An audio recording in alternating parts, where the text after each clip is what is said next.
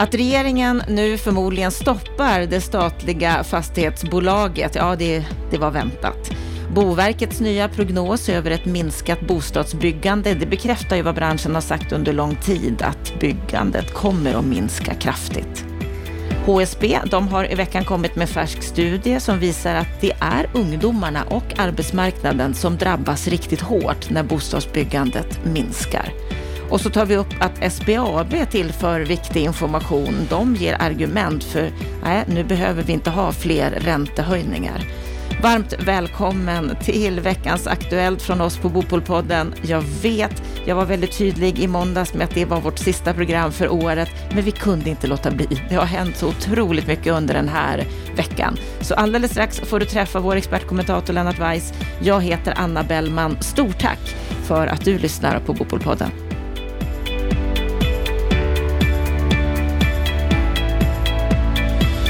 Vi börjar veckans Aktuellt med den aktuella nyheten att det ju verkar som att regeringen stoppar utredningen om ett statligt fastighetsbolag. Det var ju i somras som det här förslaget kom och kritiken lät inte vänta på sig, bland annat från Fastighetsägarna, Sveriges Allmännytta, våra experter här i Bopolpodden. Och nu säger utredaren Leif Jakobsson till Altinget att han har fått ett muntligt besked från en tjänsteman om att den nya regeringen lägger ner den här utredningen.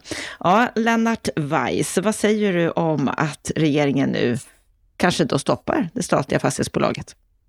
Leif Jakobsson säger till Altinget att han, är, att han är överraskad och det enda som överraskar mig det är väl att han blir överraskad över att regeringen lägger ner den här utredningen som man ju kritiserade väldigt hårt när den redan tillsattes och jag tillhör ju de som överhuvudtaget inte förstått den här idén. För när den dök upp förra, första gången, då frågade jag, menar ni byggbolag eller menar ni fastighetsbolag eller vad menar ni? Och det utlöste eh, en, en, ett virvar utav olika svar tills man till slut fick ett svar om att man menade ett statligt fastighetsbolag, det vill säga en statlig variant utav de allmännyttiga bostadsbolag som vi har på kommunal nivå idag med syfte att motverka segregation och främja integration. Och när man då har frågat om på vilket sätt ett nytt bolag skulle kunna göra någonting som de befintliga bolagen skulle kunna, eh, eh inte då klara av att åstadkomma, då, då, då får man ju väldigt vaga svar. Det hade ju utredaren möjligen kunnat utreda då, men när jag tittade i direktiven som väldigt tydligt sa att det här bolaget ska verka på marknadsmässiga villkor, då skulle jag säga att det var game over för den här idén.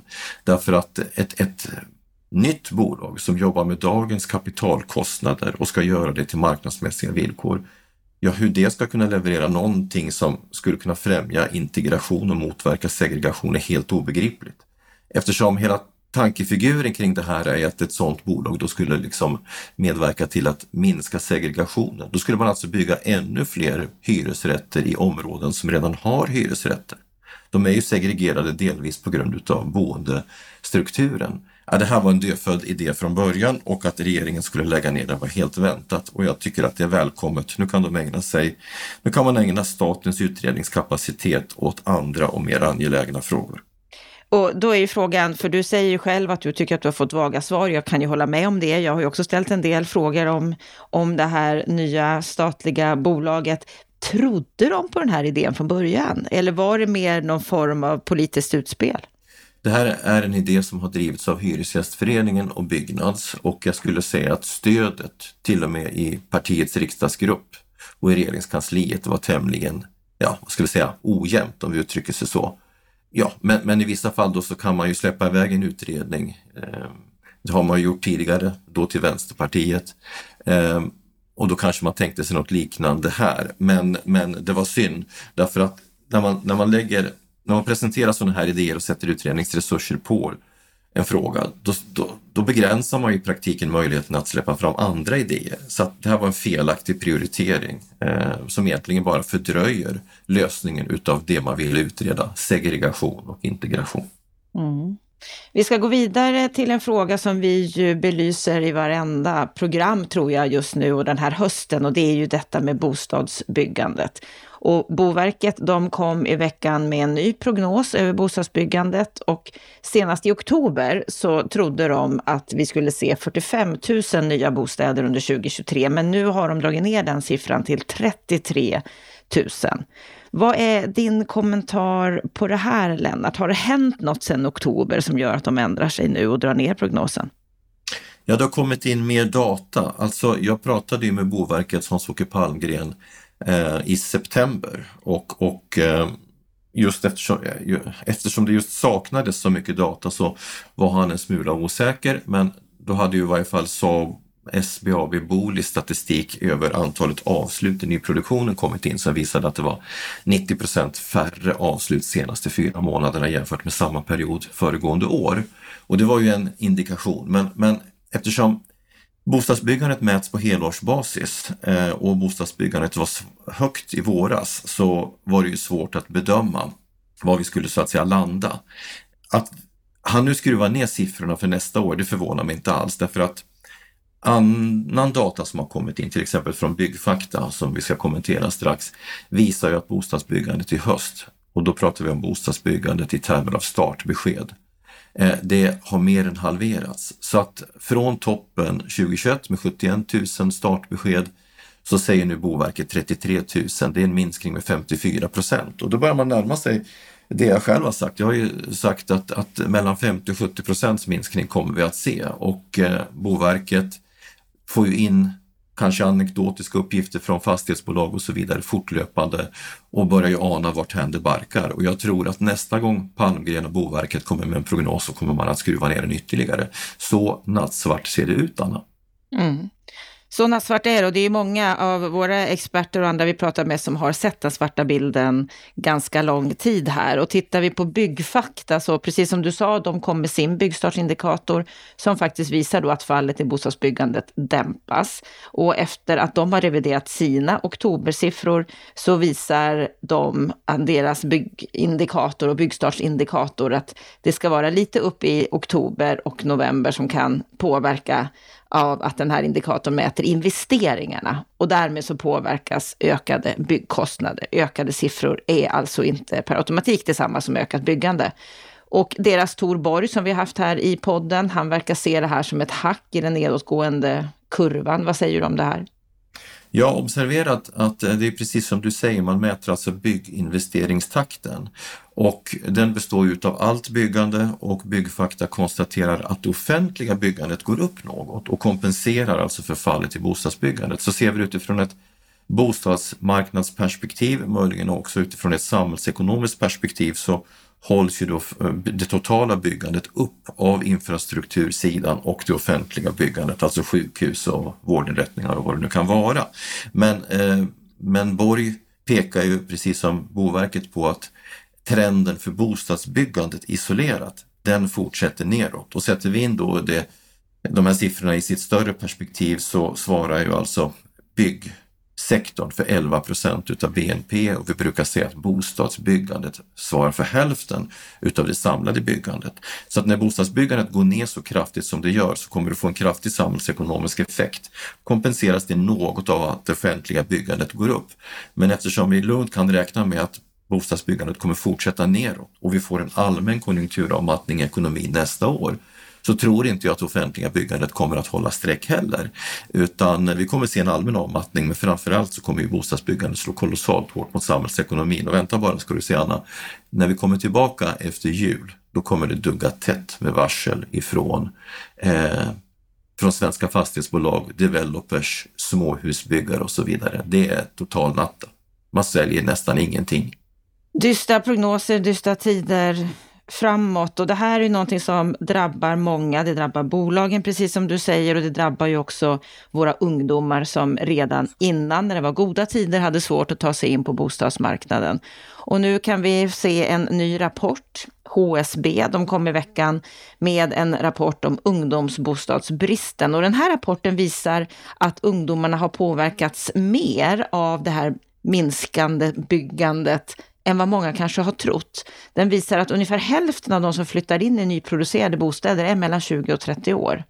De står alltså för 50 procent av inflyttningen i nya hyresrätter, 40 procent av bostadsrätterna.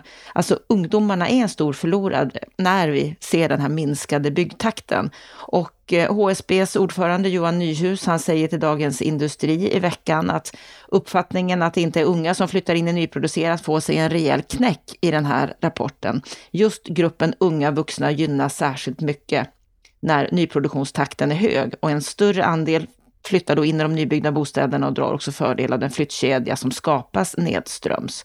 Ja, det är tuffa tider för många. Det är tuffa tider för ungdomarna. Vad säger du om den här rapporten som så tydligt visar det här?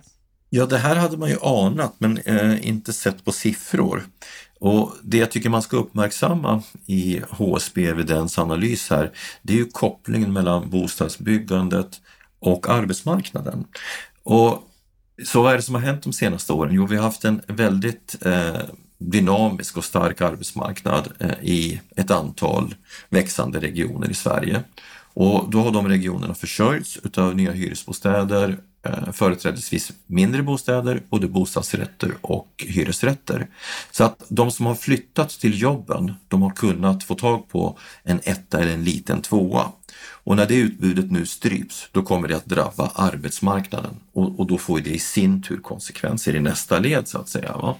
Det får också till konsekvens att, att hela bostadsmarknaden eh, vi brukar prata om flyttkedjor, att de kommer så att säga inte fungera på samma sätt som de brukar göra. Så det här är ett bekymmer. Sen har du ju nästa led en, ett annat bekymmer och det är ju eh, när man ska då bilda familj, när man har blivit något äldre. Där stöter vi på nästa bekymmer därför att barnfamiljer vill ju inte bo i ettor. Så att de måste ju så att säga ha någonting att flytta till i nästa led. Och det brukar ju vara lite större lägenheter, företrädesvis då bostadsrätter eller villor. Och där har du samma utveckling. Alltså småhusbyggandet går ju rakt ner i, i källan.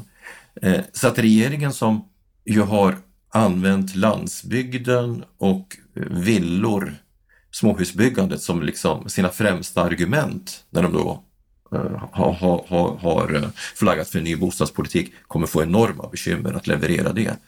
För här drabbas alltså två kategorier ungdomar väldigt, väldigt svårt. Men som jag sa, ytterst drabbas arbetsmarknaden och därmed samhällsekonomin.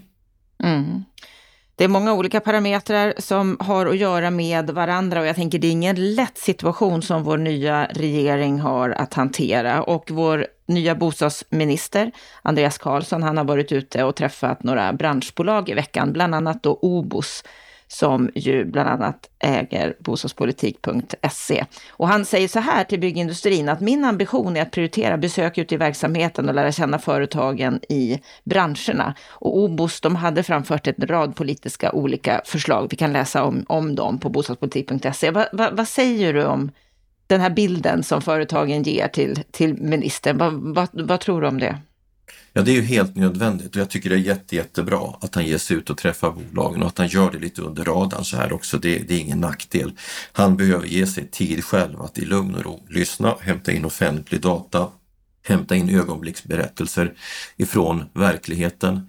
Jag ska inte nämna några bolag, men jag pratar ju hela tiden med branschen och när det gäller småhussidan som jag har berört här så något bolag har varit ute offentligt, Anebyhus till exempel. Deras VD sa, har sagt att han har inte sålt en enda enhet sedan i september. Och när jag pratar med andra så pratar man om en försäljning på ja, kanske 10% i bästa fall av det man sålde motsvarande period förra året. Så det är en väldigt allvarlig bild. Samma sak på bostadsrättssidan. Och, och, och det som nog sakteliga börjar gå upp för politiken, det är att det här kommer, det kommer se likadant ut på hyresrättssidan. Det har ju funnits många både inom politik och myndigheter, debattörer som har på något vis förutsatt att om byggandet av ägda bostäder minskar så kommer det kompenseras av hyrda bostäder. Men det som sker just nu på marknaden med stigande kostnader i form av energi och räntor, det slår lika hårt mot hyresrättsbyggarna. Och som jag har påpekat i något tidigare inslag här, så sitter ju de dessutom i en finansiell situation. De som har förvaltningsbestånd de kommer inte att kunna kompensera sig fullt ut i kommande hyresförhandlingar och många av dem sitter med lån som ska refinansieras på betydligt högre nivåer än tidigare, vilket kommer att leda till att fastighetsvärden måste skruvas upp om belåningsgrader faller. Och då kommer man inte vara så jättebenägen att eh, satsa i nya bostäder. Plus att jag är helt övertygad om att tiden med evigt flödande kapitalströmmar till nästan noll kostnad, den tiden är över. Så vi står inför ett paradigmskifte på bostadsmarknaden som kommer att kräva helt nya grepp. Det kommer ta tid för politiken innan man förstår det här, men, men väl man förstår det så kommer man att inse att det krävs en kraftig omläggning av bostadspolitiken om man ska komma ens i närheten av de tal som man önskar.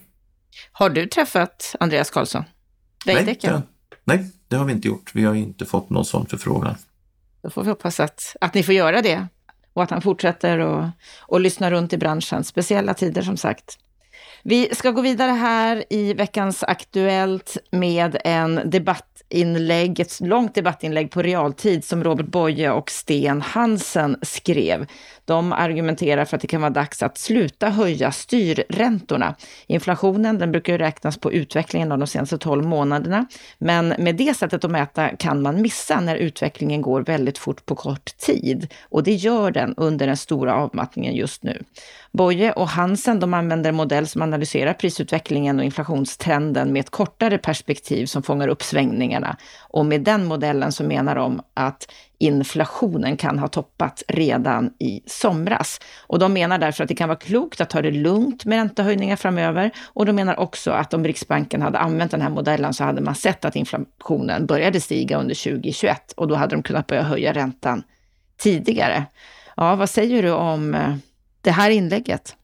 Ett, ett oerhört viktigt inlägg. Det är ett oerhört viktigt inlägg måste jag säga, därför att det här ger ju faktiskt nu en förklaring till varför Riksbanken under så lång tid har varit senfärdiga i sitt agerande. De har agerat för sent, helt enkelt därför att de har jobbat med data som, som har inte har speglat verkligheten här och nu. Alla inser ju idag att det var, att det var oerhört egendomligt att man stimulerade företagsobligationsmarknaden som man gjorde våren 2021. Det drev ju på en redan existerande inflationsbrasa det var oerhört märkligt att man så sent som i februari i år trodde att nuvarande, att de räntor som vi hade då skulle vara ända till i slutet på 2023.